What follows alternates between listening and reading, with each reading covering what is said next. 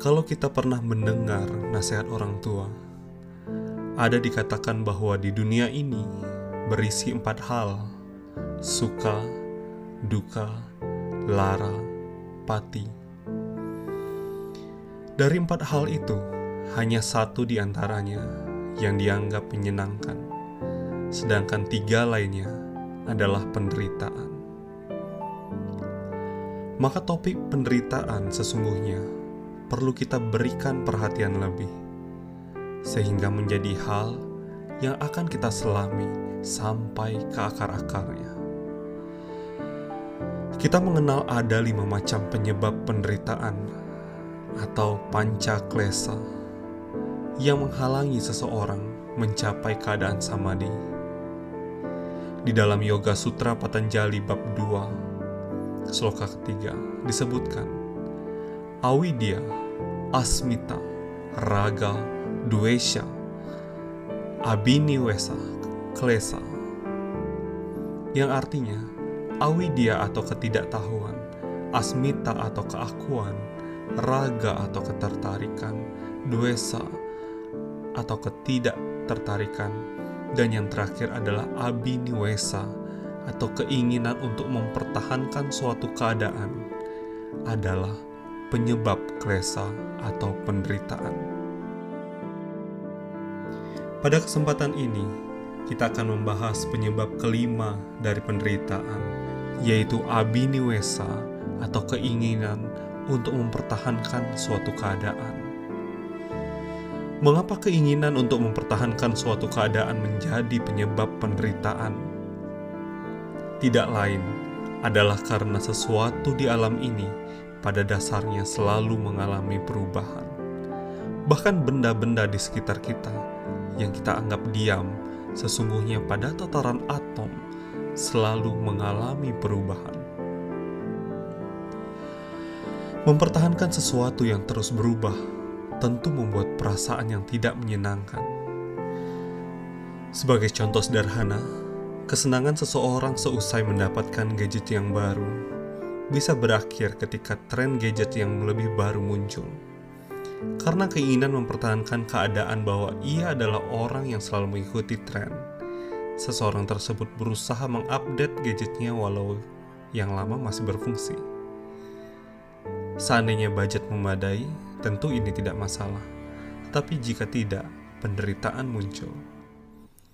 Contoh lainnya, saat asik-asik yang berselancar di dunia maya, tiba-tiba listrik padam, kuota habis.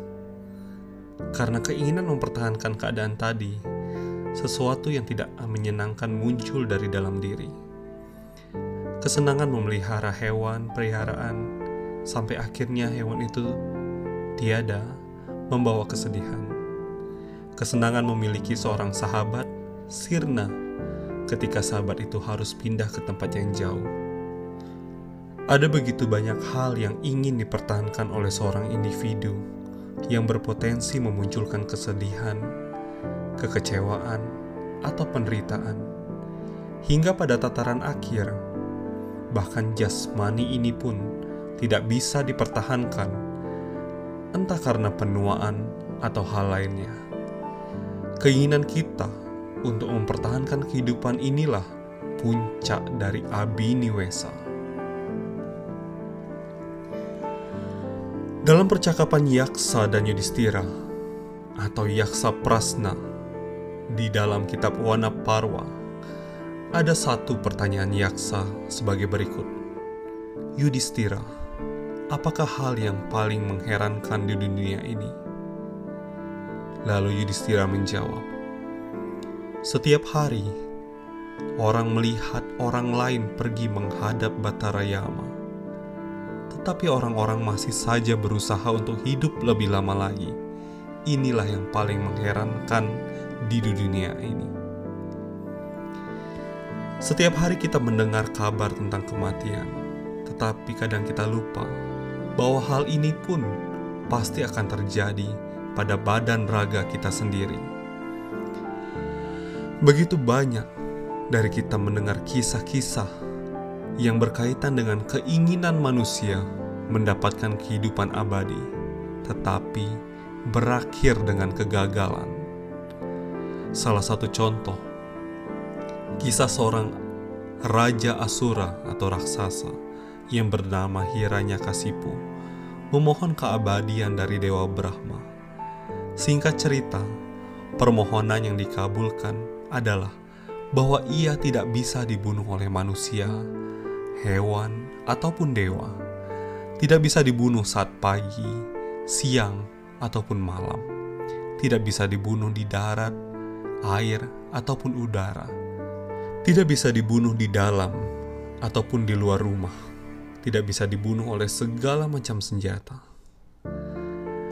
Karena sifat alam tadi bahwa tidak ada yang kekal, maka alam selalu menemukan celah dari semua ini. Hiranya Kasipu akhirnya berakhir di tangan Narasimha, awatara Wisnu yang dalam wujud manusia berkepala singa. Hiranya Kasiput tidak dibunuh oleh manusia, binatang ataupun dewa. Ia dibunuh bukan pada saat pagi, siang ataupun malam, tetapi saat senja hari. Ia dibunuh bukan di luar ataupun di dalam rumah, tetapi di serambi ia dibunuh bukan di darat, air ataupun udara, tetapi di pangkuan Narasimha. Ia dibunuh bukan oleh senjata, melainkan dengan kuku. Tidak ada yang bisa abadi. Di dalam film-film fiksi saat ini pun, banyak digambarkan usaha-usaha manusia memindahkan kesadaran dari tubuh jasmani ke dalam tubuh buatan atau artifisial untuk memperoleh keabadian tadi yang sekali lagi merupakan abini wesa atau keinginan untuk mempertahankan suatu keadaan. Dengan menyadari bahwa segala sesuatu itu berubah, kita tidak akan lupa saat kita dalam keadaan suka. Karena keadaan suka atau senang akan berakhir, kita pun tidak akan berlarut-larut dalam kesedihan, karena duka ataupun kesedihan itu juga akan berakhir. Tidak ada sesuatu yang bisa kita pertahankan selamanya. Yang kita bisa lakukan adalah menjaga sesuatu di sekitar kita, dan apa pun yang berubah darinya tidak mempengaruhi perasaan kita. Bunga di taman kita rawat hingga mekar, tetapi saat mekar kita menyadari bahwa layu telah menantinya. Kebun-kebun yang kita kembangkan punya batas masa panennya sendiri entah kelapa sawit, karet, dan lain sebagainya, punya batas panennya sendiri.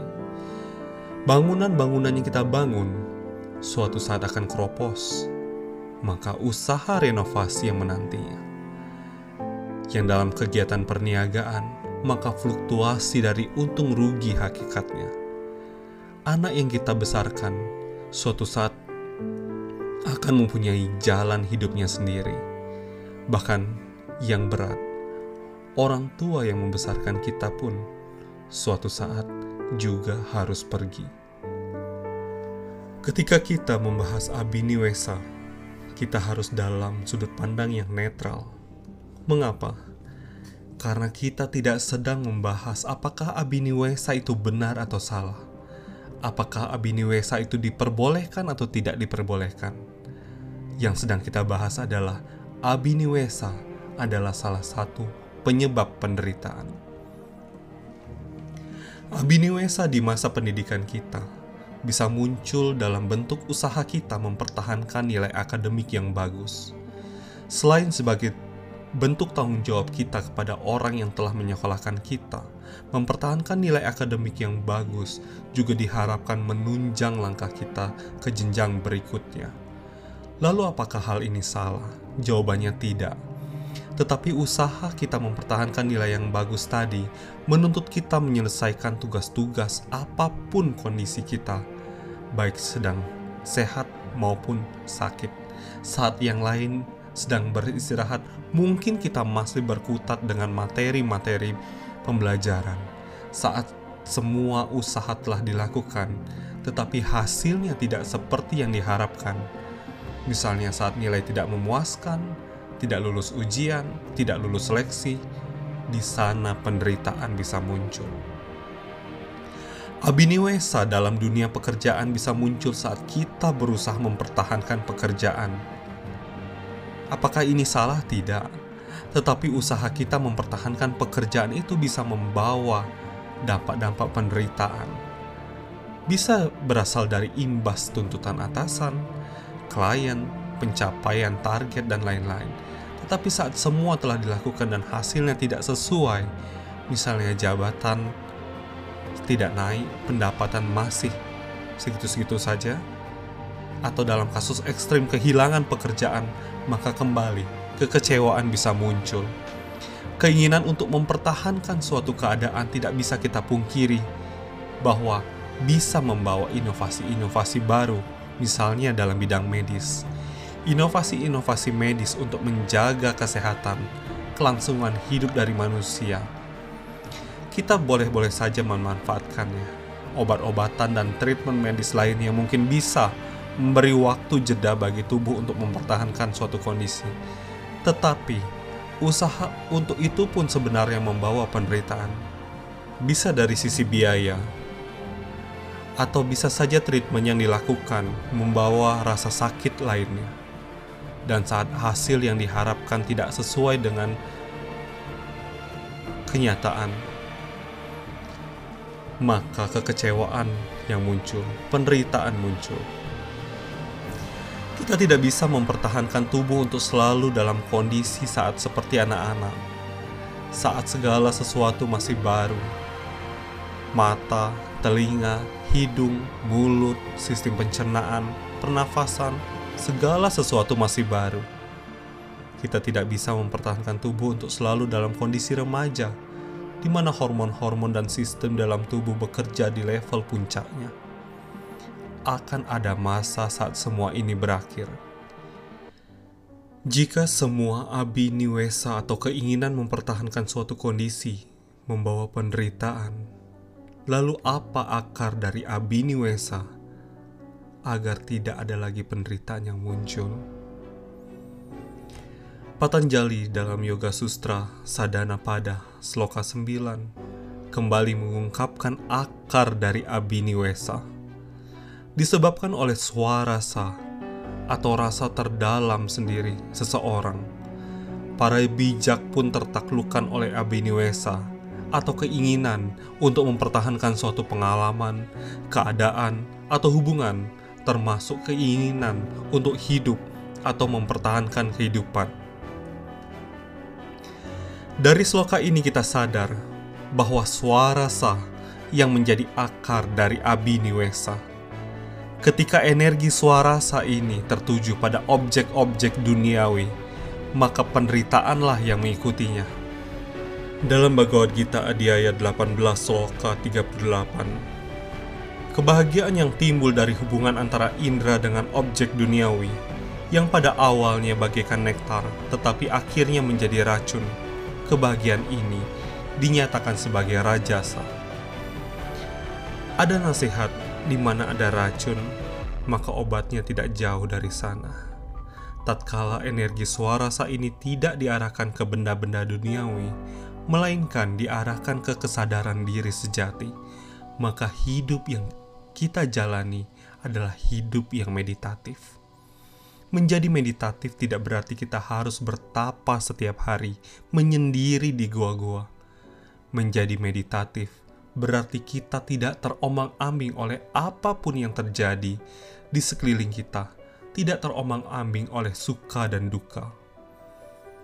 Bhagavad Gita Adhyaya 2 Sloka 56 kembali menyebutkan orang yang tidak sedih di kala duka, tidak kegirangan di kala bahagia, bebas dari nafsu, rasa takut, dan amarah. Ia disebut orang yang teguh. Maka, di kala kita pada suatu saat merasakan penderitaan, ingatlah bertanya pada diri sendiri, adakah sesuatu yang sedang kita pertahankan? Sekian yang dapat saya sampaikan. Om Shanti Shanti Shanti Om